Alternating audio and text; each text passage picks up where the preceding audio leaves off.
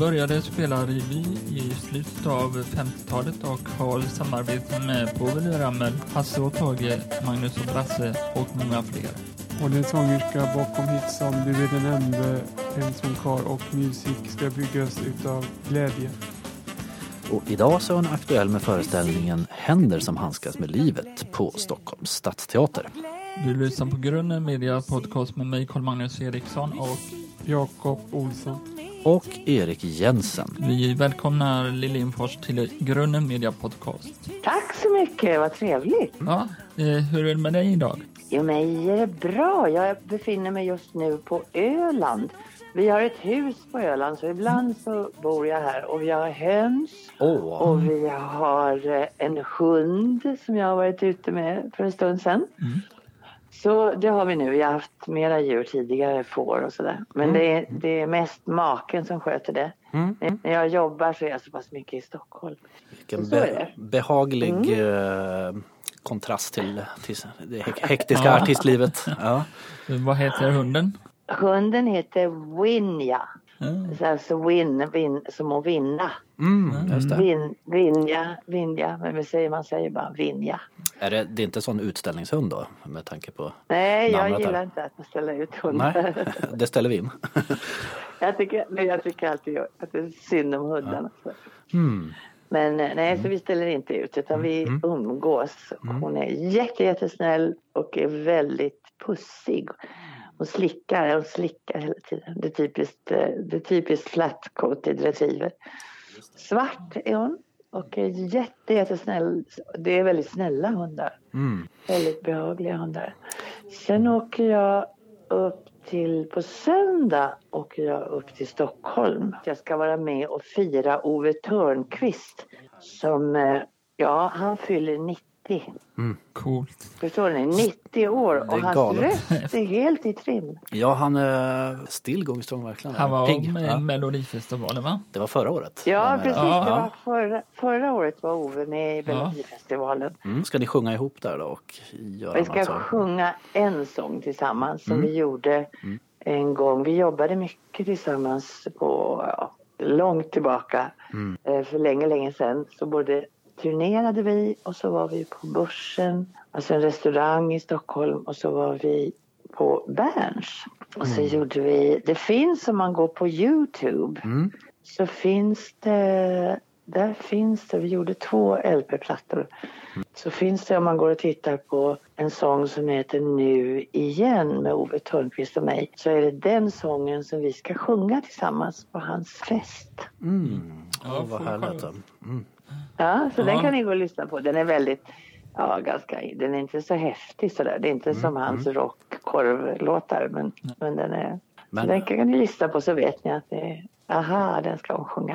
Så Ljuvligt att plocka upp såna här gamla. Jag tänker också på, äh, träffar du Svante Turesson och sjunger en ny gammal vals ibland? Ja, inte numera så mycket, men vi har ju gjort det när den var mer, mer aktuell. Men det var, var ett tag sedan som vi, som vi sågs. Men det var också på Berns som vi jobbade tillsammans och, och sjöng. Vilka lyssnar killarna på? Vad lyssnar ni på, Jakob? Och vad lyssnar ni på för musik? Jag lyssnar på Bob Hund, jag är inne på mycket, har jag gjort några intervjuer och eh, Ebbot och jag har jag intervjuat Jens, Ja. Le- Jens Lekman och jättemånga på min podd. Mik- Ja. Mikael Wiehe? Ja. Carl Magnus, du, måste, du är uppe i 110-120 intervjuer nu. Ja. Så han är, du är väldigt flitig. Oj. Ja, så det är Ebbot jättekul. känner jag. Honom har jag jobbat. Ebbot, vi gjorde Så mycket bättre tillsammans. Ja, han är jätterolig och fin. Fin, bra person faktiskt. Han är väldigt, väldigt gullig. Du är ju annars aktuell då med en föreställning på Stockholms stadsteater som heter Händer som handskas med livet. Ja. Vill du berätta lite om den? En fin titel. Ja, det, är, det, det hände sig att jag... Jag tycker händer är så fascinerande för det första. Och sen har jag fått, eh, nu när jag blev, blev äldre, så fick jag precis likadana händer som min mamma. Mm. Så jag har precis lika, lite knöliga, lite artroshänder, lite. Och då tänkte jag att händer måste man hylla. Så det är en hyllningsföreställning, hyllningsföreställning för händer. Mm. Och sen det, har vi annat med material också. Men det är Mm. en soppateater vilket innebär att man äter en soppa. Just det. Och så får man en timme underhållning. Och, Helge Skogs gamla koncept. Ja, just det, precis. Ja, Ja, vad kul. som den soppateatern där på Stadsteatern firar 30 år. Mm. Ja, nej, det är väldigt roligt att vara där tycker jag. Det är en trevlig form. Mm. Men händer kan vara ganska fascinerande faktiskt. Hur man, eh, alltså vad händer kan klara av det. Det är föreställningen handlar om. Det är fenomenala hur händerna minns hur man ska skruva av lock och hur. Så vi leker lite med alla olika ingångar på händer. Och hur snälla händer kan kännas. Alltså hur de minns. Hur, man, hur vissa händer kan känna när det är knottrigt. Händer kan känna varmt, kallt. De kan känna skäggstubb. Mm. De kan känna ja, väldigt, väldigt mycket och avgöra. Mm. De kan känna klister, klibbigt. Visst är det fascinerande när man tänker Ja. efter? Mm. Verkligen. Men det är nyskrivet helt och hållet. Ja, det är nyskrivet allting. Ja, inte riktigt alltid. Jag har väl plockat in lite mina eg- egna... Ja, inte, lite, lite... eh, Någonting har jag väl tagit sen tidigare. Nej, men det mesta är nytt och det är väldigt fin musik och fina sångtexter. Det är åtta nyskrivna sånger och en kille som heter Fredrik Meijer som har skrivit musiken som är jättefin tycker jag. Eh, blir det någon turné med, med den eh, lill... Nej, inte just med händer. Nej, men jag ska ut på en annan turné som är en, eh, tillsammans med en fantastisk gitarrist som heter Mats Bergström. Och en basist och cellist är han, han är både och, som heter Svante Henriksson. Och jag har jobbat med dem förut. Och då ska vi, eh, ska vi eh, eh, framföra lite eh, dikter och lite poesi och lite den typen av material som kanske inte ni har lyssnat så mycket på. Men, men jag har gjort eh, fanns en poet som heter Jacques Verus som jag sjöng in som heter Gör mig lite levande igen. Gör mig levande. Den finns också på Youtube om ni vill lyssna på den. Men den, det ska vi ut med i Norrland. Tio dagar. Det ska jag göra. Och sen kanske jag återgår till, till eh, Händer i höst. Att vi gör några föreställningar då. Hur kommer det sig att du började med artisteriet? Ja, det är en bra fråga. Egentligen så har jag, alltså jag är ju uppvuxen i ett hem. Min pappa spelar luta och han sjöng, han sjöng roliga visor också. Och min mamma spelade piano och spelade klassiskt, eh, klassisk musik. Så jag är uppvuxen med musik och humor. Mm. Och så skulle jag, eh, när jag hade tagit studenten så tänkte jag fortsätta på högskolan och skrev in mig på högskolan också. Och där spelade jag lite studentrevy sådär. Och det hade jag också gjort i skolan på gymnasiet. Och så kom eh, en man som heter Hagge Geigert. Mm. Kom dit och tittade och så frågade han om jag inte ville vara med på hans nyårsrevy. Och då tänkte jag att ja, det kan jag väl vara ett tag och så går jag tillbaka sen när jag börjar plugga. Men sen fick jag så mycket förfrågningar så jag jag har levt sen ska jag plugga. Så jag funderar om jag ska börja plugga nu. Mm. Aldrig för sent. Ja. Vilken var din första förfrågning som du fick när du var ung? Värsta förfrågningen där jag fick, nej men jag fick av Hag- Det var Hagge. en man som hette Karl Gerhard fick jag, Ja. var jag med, med. eh, Det var också med Birgitta Andersson och till och med Ove Törnqvist kom med. Han kom Mm. också in sammanhanget där. Jag var med hos Knäpp upp och spelade olika revyer. Och så gjorde jag, fick jag göra musik, eh, spela in skivor. Men eh, alltså tänkte så sa min pappa så här att om du ska fortsätta med att spela, spela revy och spela och sjunga så får du gå och skaffa dig en utbildning. Mm. Så då provade jag in till Dramaten men då sprack Aha. jag tredje provet. Men då jag var redan igång då. Mm. Så, så, så blev det. Och det var ju härligt att vara ung och tjäna egna Ja. pengar. Det är också lockande. Fantastisk utbildning i bagaget nu med alla dessa samarbeten. Underbart. Om du inte var blivit artist, vad, vad har du varit då, eh, Lill? Bra fråga också. Ja. Jag hade gärna ägnat mig åt medicin i någon form. Jag är väldigt... Min mamma var sjuksköterska och eh, hon... Eh, oj, jag bara försöker titta här nu. Förlåt, det var hönorna som hade gett sig ut på vägen. Oj. Ja, Mm. eh, min mamma var som sagt var sjuksköterska och jag tänkte att, tyckte att, tycker, och tycker fortfarande att det är väldigt intressant med medicin. Mm. Så eh, det, det, på det hållet hade jag nog varit. Att jag hade kanske studerat vidare till läkare eller till någonting mm. liknande. Kan du gå på stan utan att någon tar en selfie?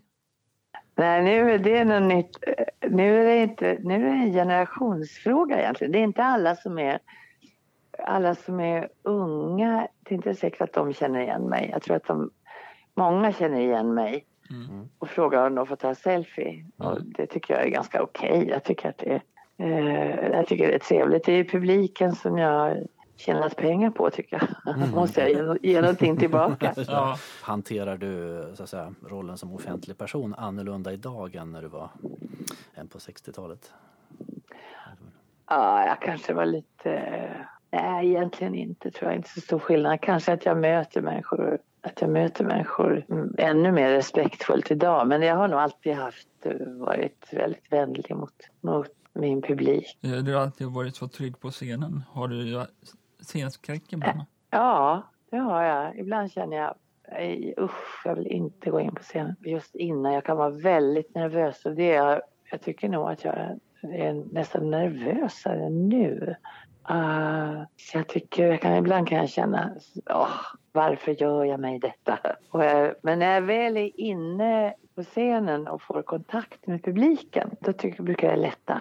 Mm. Så tänker jag att vi är bara människor. Liksom det, ja, vi, har mycket, vi har mycket gemensamt. Vi, har, vi är inte så jätteolika. Vi har alla drömmar och längtor och sorger och osäkerhet. Och, det har vi alla, alla tror jag, inom oss. Har du någon, någon speciell ritual innan du går upp på scenen? Eh, Lill? Om jag har någon speciell ritual? Mm. Vad jag gör är att jag, jag sitter aldrig när jag ska in på scen. Jag rör mig. Eh, och det är ett jättebra knep. Just om man, om man är nervös så ska man vara igång och öka blodcirkulationen. Så jag, delvis sjunger jag upp mig innan jag går in på scenen. Men sen går jag också runt. Jag går, jag liksom är, är i rörelse. Jag kan mm. inte sitta ner och läsa Expressen liksom innan jag ska in på scenen. Utan jag, jag börjar liksom gå in, jag brukar kalla det för att jag går in i glasbubblan några timmar innan jag ska in på scenen. Så att jag är väldigt medveten om vad jag äter och att jag inte äter för sent. Och, eh, lite sånt där. Det, det, är mina ritualer. Att äta sen lunch men inte äta för nära om jag jobbar på kvällen till exempel. Så att jag är noga med att jag, att jag sover ordentligt och att jag, ja, att jag håller mig i bra trim. Hur gör du för, för att memorera in dina texter? När du ska in ja. Hur jag gör? Jag har, om det är texter som jag verkligen kan ordentligt, jag brukar kalla det för, det finns olika stadier. Först så lär jag mig och då måste jag tänka efter och sen har jag, så har jag lite fotografiskt minne kan man väl säga. Så jag vet mm. var någonstans och där på den raden, eller jag ritar. Ofta brukar jag rita bredvid texter om det handlar om ett, ja, så jag får lite nycklar. Mm. Jag ritar ett öga om det, jag ska sjunga om vad fint man ser ut över havet. Mm.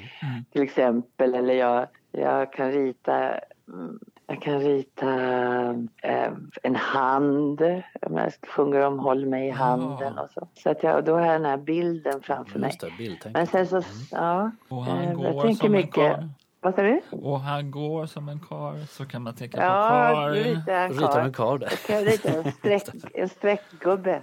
Ja. ja, en streckgubbe. Ja, kan jag rita. Han går som en karl. Men sen när jag sitter, jag brukar kalla det för, mm. sen så småningom så sitter det i ryggmärgen och då mm. texter som jag liksom har tagit in ordentligt och gjort många gånger till exempel så behöver jag inte tänka efter utan då kommer det ganska automatiskt. Och texter som jag en gång har gjort även om det är ja, 20 år sedan så går det ganska lätt att friska upp. Utan nu när jag gjorde Soppateatern var det en hel timme med ny text. Oj. Då kan jag säga det var inte så enkelt. Nej. Mycket eh, bilder målade i manus där då kanske? Ja, och sen så skrev de rent de här texterna till mig. Skrev mm. rent alltså. Mm. Och då var det liksom, nej men nu måste jag gå tillbaka till mina gamla texter. Det är svårt för då, är jag liksom, då tappade jag de där bilderna. Mm. Mm. Sen blir ju minnet, de är lite långsammare tycker jag på hjärnkontoret nu för tiden. Det tar liksom, tar lite tid ibland innan de hittar rätt. Mm gubbarna är på hjärnkontoret. Ja, jag apropå... kommer det så småningom. Jag tror att... och han går som en kar. Han ser ut som en kar. Med en kropp som en kar. Och han kysser som en kar ska Han har charm som en kar. Han är fräck som en kar. Nonchalant som en karl Apropå scenen här, Ja. eh, vi återvänder till scenen. Vi, vi kommer ju inte ifrån det med Melodifestivalen. Så jag tänkte grabba... Nej, jag förstår det. Ja, Jag visar Erik eh, klippet där du tappar klänningen. du, det såg Ja. jag 1985 Ja, hemma i Härnösand. och, och på Skandinavien eh, i Göteborg. Ja. Mm. Vill du... Eh, ja, det var så här att eh, det var så många som sa till mig så här, är du inte nervös? Tänk om det händer något, sa alla. Och det var klart att det var lite nervöst, det var det ju. Men jag tänkte att egentligen så vill man ju kanske att det ska hända någonting sådär. Någonting, inte, inget farligt, men det är spännande om det händer, händer något som, eh, är, som inte är förväntat. Och eh, jag hade gjort en dans tillsammans med i en, i en föreställning tillsammans med Emilio Ingrosso. hade vi dansat och så hade vi gjort en koreografi där han, så att säga, fast det var då medvetet, i misstag river av mig kjolen och så förvandlade jag, när vi gjorde en snurr, Emilio och jag, när vi gjorde danssnurr och sen så fällde jag ner en kjol till. Det är Chri- Christer Lindar är så skicklig på att göra såna här förvandlingskläder. Ni vet, Just det, ja. ni vet After Christer. Lind, Christer Lindar, Jajamän. After Dark och, nej vad heter det, ja jo After Dark. Så när jag skulle göra, vara konferenser på den här melodi, vad heter det, fest, melodifinalen liksom, melodi, vad heter det? Eh, Eurovision Song Contest. Eurovision Song Test heter det. Just det. Mm. Eh, då tänkte jag så här, sa jag det till Christer, tänk om vi skulle göra så här att låtsas som om jag liksom plötsligt i andra avdelningen fastnade i en spik och så skulle Christer göra en förvandlingsklänning. Så det här repeterade vi då. Sten Previn som var chef på Göteborgs TV, han tyckte det här var en rolig idé. Så han godkände mitt förslag och vi repeterade det här sent på natten för att folk inte skulle det skulle bara vara de som eh, var kameramän och mixer och sådär som var inblandade. Det var bara de som fick veta vad som skulle hända. Och jag kom ju upp för en trappa och nedanför den här trappan där nere satt en man som jobbade på Skandinavium. Jag satt där i blåställ och så fäste vi en nylontråd på kjolen. Och så mätte vi av precis exakt hur lång den här nylontråden skulle vara för att den skulle sträckas och dra av mig kjolen. Så där satt nedanför trappan där. Så när, om ni ser det nu så vet ni då att det är en Beredd att rycka i tråden Ja. här då. Just det. Ja. Ja, Rickard, han behövde bara hålla i den. För den ryck, ryckte ju liksom sig själv när den blir så exakt den längden som vi hade mätt ut. Du tar ju klänningen själv sen eh, precis när, när, när klänningen har gått Ja. av så tar du i axlarna så här, och så drar Ja. du ner. Ja, precis. Då tar jag det. Så det var en överraskning men hela publiken bara tjöt. Åh! Ja, det gjorde vi hemma i tv-sofforna också minns jag. Det var, det var Ja. härligt. Men jag hörde att huvuddomaren var inte så imponerad. Nej, han blev det arg på mig. Han tyckte att jag hade skäm, skämtat på ett oförskämt sätt. Har ni pratat sedan dess? han pratade inte med mig Åh, efteråt. Mm. Så han tyckte att, det var, att jag skämde ut mig. Måste ju fråga en sak om. Hasse Alfredson gjorde ju en liknande kupp mot dig strax efter där. Ja. Som vi såg på Youtube. Vi, vansinnigt roligt. Jag Ja. stod så nära. Jag förstod inte först. Jag bara hörde att publiken tjöt av skratt. Mm. Eller tjorade till. Men jag stod så nära honom. Mm. Så jag såg inte först att byxorna ramlade ner. ja, det var jätteroligt. Ja, han står, han, byxor åker ner och han står där i kalsonger i princip. Ja, Boxershorts som man då fäller ner till ett par långkalsonger.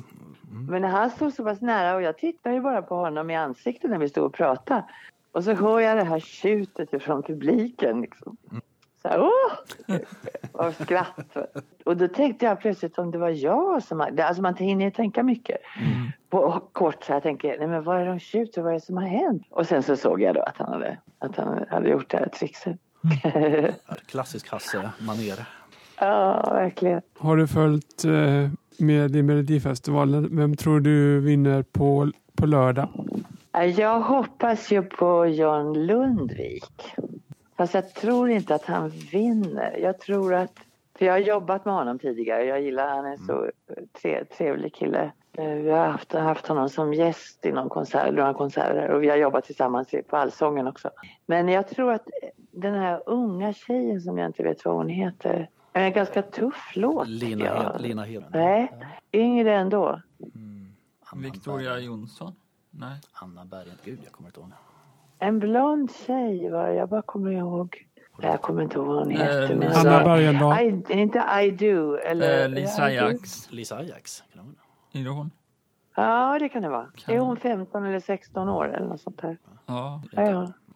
Eh, Jag har inte riktigt koll men jag tyckte att det var, det var något som jag tyckte var bra där. Som Mm. var lite tuff, tuff musik och en ganska bra låt. Det är Ja, det. vi får se. Det visar det är final den här veckan va? Ja, på lördag. Lördag. Ah, Var programmet som har programledare istället för när du hade en programledare. ja, det är väl lite mer omväxlande. Ja. sådär.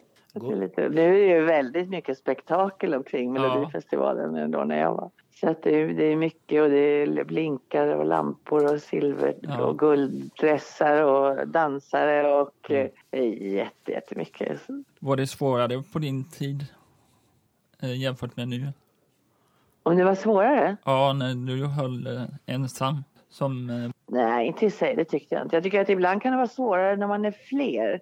För att det blir lite mer, det kan lätt bli lite hackigt då när man ska säga och så blir den och på ett sätt så var det väl eh, Sen gjorde jag ju väldigt korta presentationer. Nu är det så mycket spel vid sidan Mm. om och eh, alltså skrivet skämtmanus och sådär.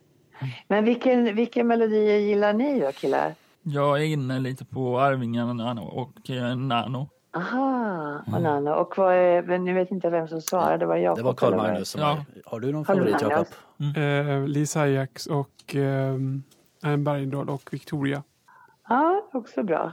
Ja, vad spännande. Ska ni titta? Ska Ja. ni titta på lördag? Ja. Mm. Mm. Funderar du på att ställa upp i, Mel i Mello igen, eh, Lill? Eller är du Nej, gammal? nej, nej. Jag tycker jag har gjort mitt. Det var 1966 du var med första gången där va? Var det till Ja, Nej, 66, 67 med Svante. Svante där. Ja. Ja, så Ja. var vi i Luxemburg. Det här var ju väldigt, det var ju väldigt, väldigt tidigt. Mm. Och vi åkte ju till Luxemburg i finalen och vi kom tvåa i finalen. Men vad vi lärde oss, eller vad jag lärde mig i alla fall, det var ju att det var ju så proffsigt. De andra artisterna hade ju med sig folders och bilder och skivor och alltså pressmaterial. Det hade ju inte vi. Vi kom ju som lantisar dit till Luxemburg. Tycker jag. Vi hade väldigt lite material. Sen fick ju Svante och jag inte sjunga in den här tillsammans. Nej, det var Östen Warnerbring va? Som...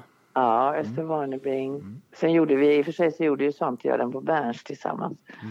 Men vi fick inte spela in det på platta utan det var vi var på olika bolag. Jaha, okej, det var därför. Vad är folder? Ja. Vad är folder? Vad sa du? Vad är Vad är folder som du sa? Ja, folie, det, är, det är som en perm. En perm med fotografier och eh, eh, information om artisten och alltså Ah, så där som man lämnar över, ja, som en pressmapp kan man säga. mm. En Eh, press, eh, pressperm som man delade ut eh, på den här fin, final, Eurovisions, då i Eurovisionsfinalen i Luxemburg. Men det hade Svante och jag, hade, vi hade ingenting med oss annat än oss själva. Fantastiskt slag Ja. Perf- perfekta motpolen till vinnaren där, Udo Jürgens. Ja. först gråtmilt och sen kom den här lekfulla Ja. påvelska låten. Ja. Nygamla. Så, ja, det var en fin årgång. eh, ja, du, det var roligt. Du var ju Det var ju med, oväntat. Det var, Vad sa du? du var ju med Så mycket bättre. Vilket var ditt, mest, Ja. bäst, eh, vilket var ditt bästa minne därifrån? Ja, var väl när vi spelade pingis. Vem vann? Nej, det var väldigt roligt. Men det roligaste var ju egentligen att hitta på de här... eh, Alltså vad man kunde göra och välja låtar av de olika artisterna. Av, av Ebbot och av Titi och eh, Bo Kaspers, vad heter han, Bo Holmström. Sundström där. Ja. Sundström, ja. Det var det roliga, det var en kreativ, det var en rolig process.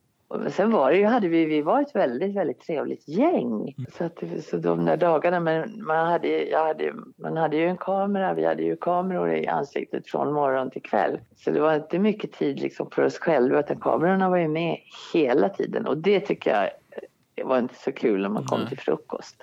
Och det hade kamera i ansiktet. Var det jobbigt? Det så, kom- Ja, jag tyckte det var lite jobbigt att komma upp på morgonen och ta frukost och så är det en kamera direkt som Ja, det är långa. filmar. Jag känner man, frukost vill jag gärna äta utan kamera. Mm. är de med dygnet runt kamerorna på Så mycket bättre när de filmar? Ja. ja, de är ju med hela tiden. Det, nej, det enda de inte var med det var i sminket och när man gjorde sig i ordning, när vi, när vi blev i ordning. Och det var ju sminkös, det fanns ju sminköser med där så att då, då var de inte inne i, i, på sminket. Men annars så var de ju med nästan hela tiden. Så att det, var, det, hörde liksom, det hörde till. Eh, har du någon eh, favoritfilm som du har något speciellt minne ifrån? En Eh, film. Mm. En film, oj det var Ja, du har skådespelat Jo. i film. Eh, Pettersson och Bendel. Ja, Pettersson och Bendel var ju fantastiskt roligt att vara med. Med så fina skådespelare som Stellan Skarsgård och Allan Edwall. Och, ja, det var väldigt roligt. Eh, väldigt roligt. Du har samarbetat med Hasse och Tage i, i Konstgjorda Pompe på Gröna Lund 1963. Hur, hur var det? Mm. Det var också roligt, men då var Hasse och Tage skrev, men de var inte med. Utan det var ju Gösta Ekman och Monica Nielsen och Sonja Hedenbratt. Så att, eh, men, men däremot så, så eh, hade de skrivit allt material, Hasse och Tage. Så var det filmade inslag där också? Ja, det var filmade grejer där också. Just det. Det var. Men det var väldigt roligt att få. Det var ju 1964. Det var väldigt roligt att få bara få jobba med dem. Det hade jag gärna gjort mycket, mycket mer. Kunde ni känna, Ehm. känna det var precis när de slog igenom, så här, kunde ni känna att det här var något nytt i Ja, Sverige när det kom? Det var, det var, ju, det var ju speciellt. Eh, Alltså deras typ av humor tycker jag var så, ja, passade mig i alla fall. Jag kände att det var jätteroligt och deras ironier. Och. Sen var de ju underbara eh, människor som, som tog hand om oss och vi hade, vi hade var ju eh, fester ibland och så delade de ut, då fick vi varsin eh, försäkring mot husbock. Alltså det var skämtsamt och så hade vi, då hade Gösta, hade, Gösta Ekman hade gift sig precis i den här vevan med Fatima.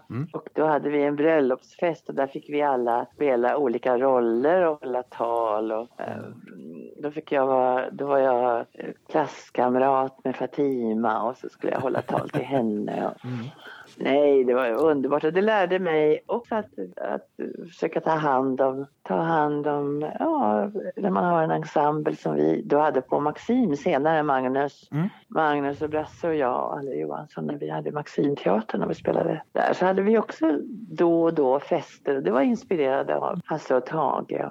Och när jag var på Berns också en gång så hade jag, hade jag fest för orkestern. Och då skojade jag med dem. Vi hade fest uppe i spegelsalen då, dukat bord. Och då hade vi, skulle vi skoja med killarna och då, eh, restaurangchefen Olle Brock och jag. Så då sa jag så här, vi gör hårdsmörgåsar i ordning ett par, vad heter knäck, alltså knäckebröd med ostskiva och så får, får de här smörgåsarna få stå och torka lite så osten blir lite svettig så det ser, så det ser ut lite gammalt bara för att busa med dem. Så när de kom in och då var det dukat och då med enkel ostmacka. Och då trodde de kanske att det var bara det de skulle få till supé. Men de fick jättefin middag sen. Men vi började så här, busade lite. Mm. Um, Hasse och Tage satte ju en ton där med värme och generositet. Ja, i så hög som- grad. Den här omtänksamheten och Mm. hur mycket det betyder. Så när vi jobbade tillsammans, både Magnus och Brasse och jag, på Berns. Vi jobbade ju där tillsammans också då. Och så på Maximteatern så hade vi så speciella alltså fester, julfest och gick ut och gjorde Lucia-tåg ut i skogen när det var snö. Ja, så jag har haft väldigt mycket kul. dem. Ehm, Du har jobbat mycket med Magnus och Brasse. Eh, hur, hur var det att jobba med dem? Det var vä- väldigt roligt. Sen levde jag ju med Brasse i tio år. Mm. Och vi, vi möttes och vi jobbade första gången på Berns. Då hade Brasse och Magnus just blivit upptäckta. De hade gjort lite tv och gjort eh, Hallström. Oj, är det redan fredag och Mm. sådär. Så då kände jag att jag ville gärna ha med dem i den pro- produktionen på Berns och det var jätteroligt att jobba med dem. Mm. Magnus är ju den som är, han var ju liksom rolig, även priva, väldigt Mm. rolig privat. Mm. Brasse var nog mera, mera liksom lite stillsam och lite Mm. allvarligare. Mm. Mm. Men sen var ju Brasse var ju rolig också när han kunde, han kunde, kunde ju skämta och säga Mm. vassa repliker. Men Magnus var mera utåtriktad och otroligt social. Och Brasse var mera blyg och lite mer tystlåten. Mm, de- In, inte så, ja, inte så vild som man kan väl- tro ibland. Det är väl någon slags gyllene formel för det med komikerpar, att man kompletterar varandra. Så. Ja, man kompletterade varandra. Mm. Så att, uh, Brasse var väl egentligen den som var, ja, också, jag ska inte säga mer djuptänkande, ska jag inte säga, Mm. men, men eh, han hade mera reflektioner över livet tror jag. Mm. Ja, det, det kan jag inte säga heller förresten. De var, men de kompletterade varandra. Man, det, det märker man ju också i Myror och elefanter. Har ni sett den? Oh, Myror och ja. elefanter. Ja. Eh, Inskolad i alla repliker Ja. nästan. Ja. Mm. För det var, det var under den tiden som, som jag levde tillsammans med Brasse så jag Mm. upplevde också hur deras sätt att jobba och hur de studerade en fransk pedagog som jag just nu i ögonblicket inte kommer ihåg vad han hette men som var eh, pedagogik som var väldigt viktig inför eh, programmet. Mm. Och lust, det här lustfyllda liksom. Jag tyckte, jag tycker det var så lustfyllt program. Just det. Ja, det roligt och man fick sitta hela familjen och gissa vad det skulle bli. Mm, ja, sitta och bokstavera. Och, ja, det var, Jätteroligt. det var så här, det funkade för vuxna, det funkade för barn. Humorn hade två Ja. bottnar, liksom, så att de nådde Ja. utan att bli barnsliga på något sätt. Utan det var lek, verkligen lekfullt. Ja. lekfullt och klokt. Mm. En bra, väldigt bra kombination. Mm. har nog många barn som lärde sig läsa sådär. Och fortfarande, det går i repris. Och fort- Ja, det går, går det i repris på tv? Nej, Mm. då och då då kanske. Mm. Ja. Alltså, det finns ett stickspår här. Alltså Magnus och Brasse och Hasse och och alla de här. Ni förenades ju 1983 och då fick du chansen att jobba med alla dessa i Ja. Kvällen är din. Den, det är ju Ja. en sån milstolpe som jag gärna ser om och om igen. Så det, jag är Ja, jättenyfiken men det på var att höra lite. fantastiskt att få Mm. vara med på det där tycker Mm. jag. Mm. Jag känner mig starkt hedrad att få Mm. vara i det här gänget. Mm. Jätteroligt och vitsigt och ja, Mm. underbart var det. Det var mycket, mycket speciellt. Mm. Mm. Ja, ver- verkligen. Och nu tror jag, ja, alla är borta nu utom jag. Ja. Känns, Mm. känn, kä- hur, hur upplever du tomheten? Konstigt ställd fråga. Jo, det gör jag. Jag tycker att det, det är tomt. Det är, Mm, mm. alltså, det är konstigt som det alltid är med döden. Att Mm. människor försvinner så känns det overkligt. Det kommer över en sådär. Åh. Alla dessa som är jag så levande. nu när jag, nu har jag tänkt mycket på Brasse. Mm. När jag repeterade in eh, den här soppateatern Händer. Då har jag tänkt väldigt mycket på Brasse också för att han var ju för det första skicklig timing och väldigt bra Mm. smak och bra regissör. Mm. Så då tänkte jag mycket på honom och tänkte att honom hade jag gärna velat ha Mm. som regissör på den här på Händer. För han var ju väldigt sn- snabb i huvudet. Så Mm. att det är klart att det och det är, konstigt att båda är båda, men nu är de ju inte borta helt och det, det gläder mig för att vi får ju se dem på tv och vi får se dem i Myra elefanter och program på tv. Ja, Och, de är ju så högsta Och grad levande kvar? fortfarande på något sätt. För att de har satt sådana så avtryck. hög Ja. Ja, det, Och det är väl det som man kan vara, vara glad för att, det, mm, att man lever. Det är inte alla människor som får mm, fortsätta att leva liksom. mm, nej, men visst. Det som man minns och som man kan se och titta på. Du är också Unicef-ambassadör sedan 20 år. Ja, Berätta, berätta Ja. om det. ja jag blev tillfrågad. Jag är ju... Jag ja, funderar mycket kring, kring barn. Och jag blev väldigt tagen när jag var i eh, Brasilien. Eh, Jag har varit där flera gånger när jag mötte barnen som bodde på stranden och barnen som kom fram och tiggde mat. Och även om jag visste att det fanns fattigdom i Brasilien, att det fanns människor som bodde i de där kåkstäderna. Så när man möter verkligheten så blir det väldigt påtagligt. Misären blir väldigt påtaglig. Man blir väldigt eh, tagen. Alltså jag tyckte det var... Vi var ju där eh, till exempel efter vi hade vunnit och, eh, och Bengt Arne hade skrivit Nygammal vals så blev vi inbjudna till en musikfestival i Brasilien, i Rio. Han måste ha varit 68 eller något sånt där, tror jag, 69. Och då, åkte, då kunde inte Svante följa med men Bengt-Arne Wallin och jag åkte dit för att delta i den här eh, festivalen. Men det var mitt möte då med eh, en, en del av den här världen där människor har det svårt och eh, fattigt och svårt att klara sig. Och det blev så påtagligt eftersom vi var ju inbjudna till fina kalas. Åkte upp i bergen där bodde någon miljardär med utsikt över hela Rio. Men för att komma dit så fick vi åka igenom de här favelorna som det heter, de här mm. kåkstäderna. Mm. Och det där tog mig väldigt hårt, så de bilderna och de fastnade hos mig och eh, likaså de här barnen som kom fram och undrade. När, det, var, det var ju varmt, det var ju uteserveringar där vi satt, satt och mm. åt. Så kom det fram barn och frågade om de fick ta resterna av maten då, om vi inte hade ätit upp. Eh, så att när jag blev senare blev tillfrågad om jag ville åka dit och gästa, det fanns ju flera företag, så 1983 åkte jag ner till, eller upp till, eller bort till, till både till Sao Paulo och till Rio. Och eh, eh där gjorde jag några konserter för svenskar, för skandinaver. Och de pengarna gick till ett barnhem som hette Santa Teresinha där det bodde, ja, måste ha varit 400, närmare 400 barn. Eh, så att då eh, lika med bildades en stiftelse av en man som heter Göran Håkansson. Som bildade en stiftelse för att stötta det här barnhemmet och ytterligare ett barnhem hade vi också. Så det tror jag var ju kanske det som ledde till att jag blev tillfrågad av Unicef. De visste att jag jobbade med barnhem och jag frågade också om det var okej okay att jag fick vara kvar i stiftelsen. Jag sa att jag förutsättningen för att jag ska bli Unicef-ambassadör är att jag får fortsätta jobba också med de här mm. barnhemmen i Brasilien. Mm.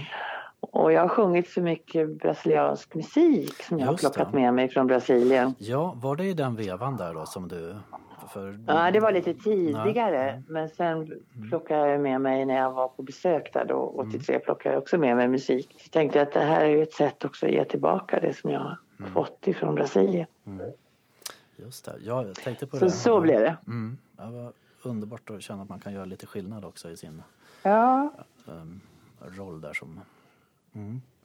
Ja, det är det som jag har fördelen av kändisskapet, att mm. kunna mm använda mig av mitt kändisskap och att sätta Unicef i fokus. Eh, ja, hjälpa till på det sättet. Jakob har en liten stickspårsfråga här angående din... Mm, alltså det här med, det här, ja, men det här med samba och uh, brasiliansk musik. Så det, har vi, det, mm. det, är ju du som har lite grann personifierat detta. Så här, och, mm. uh, en av dessa är... Det får du ta, Jakob. Uh, Lindfors, du har sjungit eh, Macken. Eh, kan du berätta mm. lite om eh, hur det var att sjunga Macken? det var jätteroligt. Ja. Det var så många olika versioner. Så mm. Jag tyckte det var väldigt kul att jag fick göra en, mm. en brasiliansk version. Ja, det var kul att du tog upp det. Du är Eller... stor galenskapare-fan här. Ja. ja. Mm. Vi har intervjuat dem också här tidigare. Ja. Så det är kul att få ja, De är underbara. De är mm. väldigt fina killar. Och tidigare var jag också tjej, men de är, vi håller på att skämta fortfarande här hemma ibland så här. Ja, du vet när de är utklädda till flickor, kommer du ihåg? Mm, ja, ja Lady, Lady, Shave, Lady Shave från eh, Casinofeber. Ja. ja. ja. och då så säger han, eh, och nu kommer jag inte just ihåg vad han heter, just, just nu. Han, som är, han är utklädd och så säger han så här, ja. Det är så här, ja på ett sätt. Så, ja, mm. det finns. ja, det var också en parentes men det var mm. det jag tycker var väldigt roligt. Ja. Umgås du med Björn Skifs och Thomas Ledin? Brukar ni ta en fika?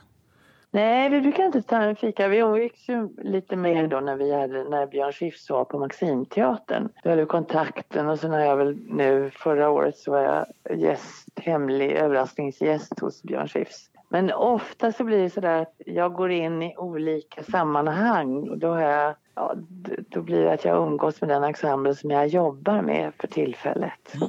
Så det, blir, det blir lite, tyvärr så är det här en ganska otrogen bransch på ett sätt. Man säger vi måste ses och vi kan väl träffas sen därför att vi har varit, man har haft mycket gemenskap. Men så, det är som att gå in i, varje gång går man in i lite olika världar.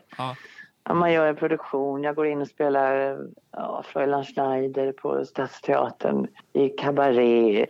Ja, då, är, då träffar jag ju väldigt mycket de som är med i den pjäsen eller musikalen. Så att, jag måste säga att jag är, jag är också en otrogen person. Alltså jag menar, jag, jag är dålig på att höra av mig när jag jobbar intensivt. Då umgås jag ju mest med de som jag har omkring mig. Och så har jag mina gamla vänner som jag också, också träffar. Gittan som jag tror att du Erik var i kontakt Just med. det, ja. Mm. Så vi, det är en av mina, ja det är min, ja, vi har väl varit vänner sedan hon var 16 och jag var 16. Mm. Eller jag är lite äldre, jag var väl lite 17 eller 18 och sånt där. Så vi håller fortfarande kontakt. Mm. Nu kommer min granne och ska hämta hunden här ser jag. Mm. Jag säger, vi har fyra frågor kvar här och så är det någonting som Ah, heter nej, fem, men kan fem ni vänta, snabba. vänta Vi kan lite bara? abs- Ja, Vi gör ja. en liten paus. Hallå, Hallå, Hallå?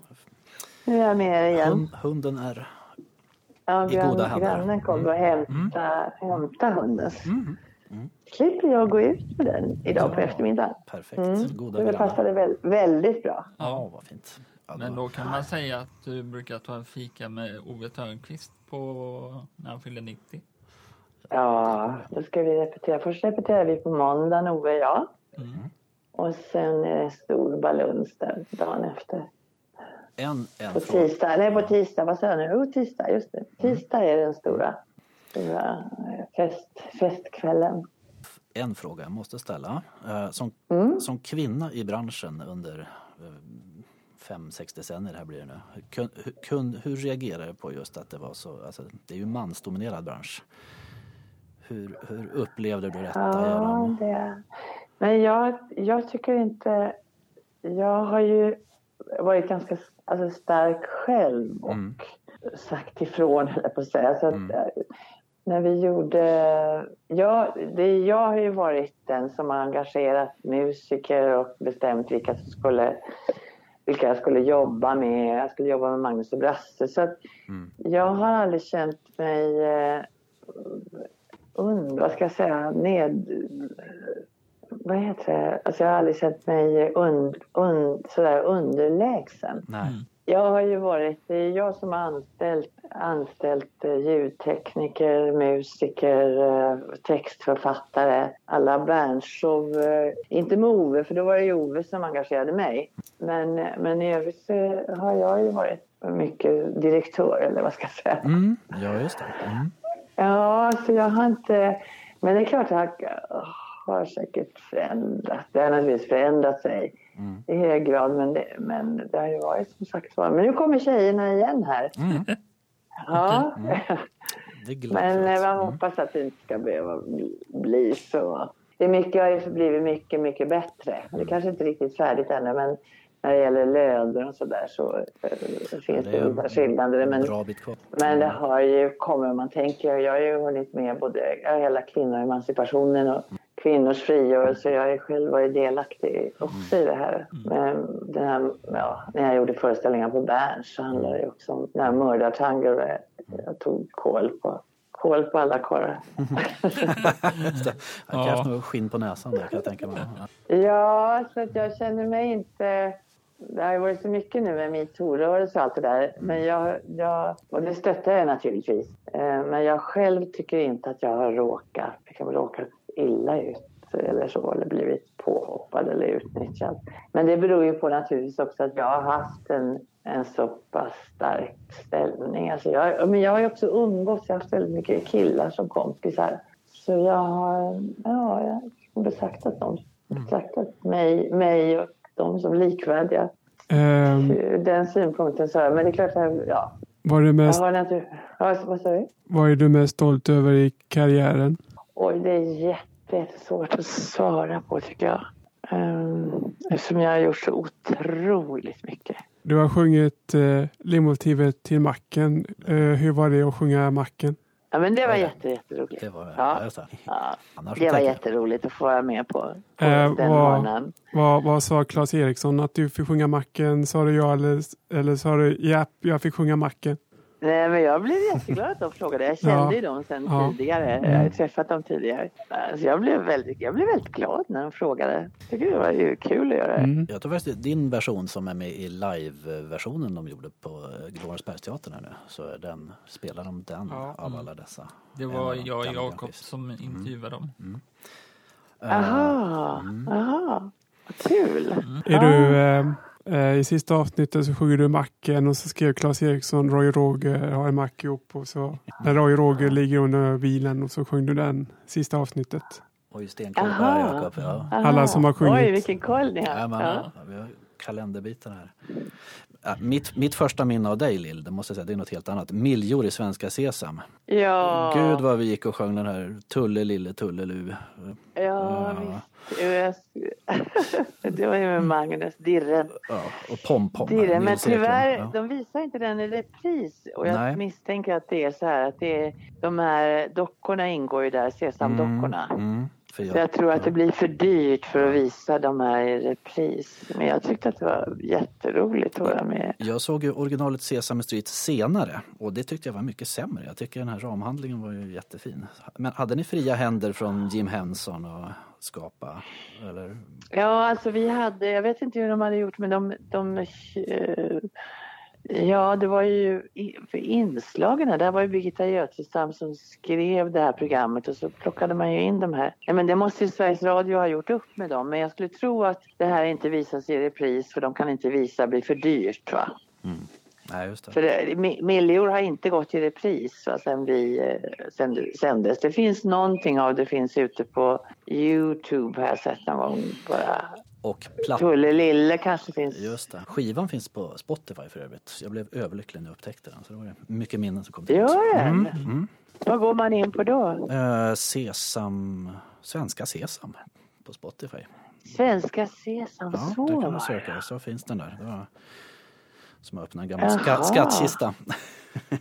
Nej men det måste Ja. jag faktiskt, det visste inte jag. Nej, det var en ren slump. Svenska Sesam på Spotify. Mm, du hittar den. Mm. Ja, den hette nog Svenska Sesam tror jag. Jag känner igen, eh, när du säger det så känner jag igen att det var Svenska Sesam på... Ja, då ska jag kolla upp det. Jag har inte riktigt, jag är inte lika stor kalenderbitare på mig själv som jag kan vara på tur, tur andra. att vi ringde dig. ja. Ja, det var Ja, tur. Ja, Jag kan känna lite släkt- släktskap med Kalle Lind. Så är det, han som gör ja snedtänkt Kalle där. Det Lind är inblandad när Ja, han, Cornelis... eh, ja, just det. Ja. Ja, Ja. Alltså, Ja, men så- han- Sån kalenderbit. så Eh, nu hörde inte jag. eh, vilken låt är du mest nöjd med? Jag tycker musik ska byggas blev bra, Mm. tycker jag. Ja, Jag har skrivit bara musiken, det är, och det är Björn Barlack som har skrivit texten. Mm. Men den har blivit lite, lite av en sån här klassiker, tycker jag.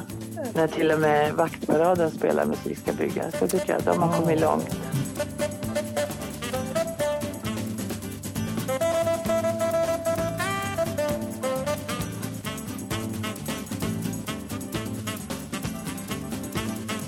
Musik ska byggas utav glädje Av glädje bygger man musik Musik, det får ni ändå medge Gör glädjen ännu mera glädjerik Mitt hus är byggt av båda dera Mitt hus, det la de grunden till Jättemycket, men det är ju det är underhållning.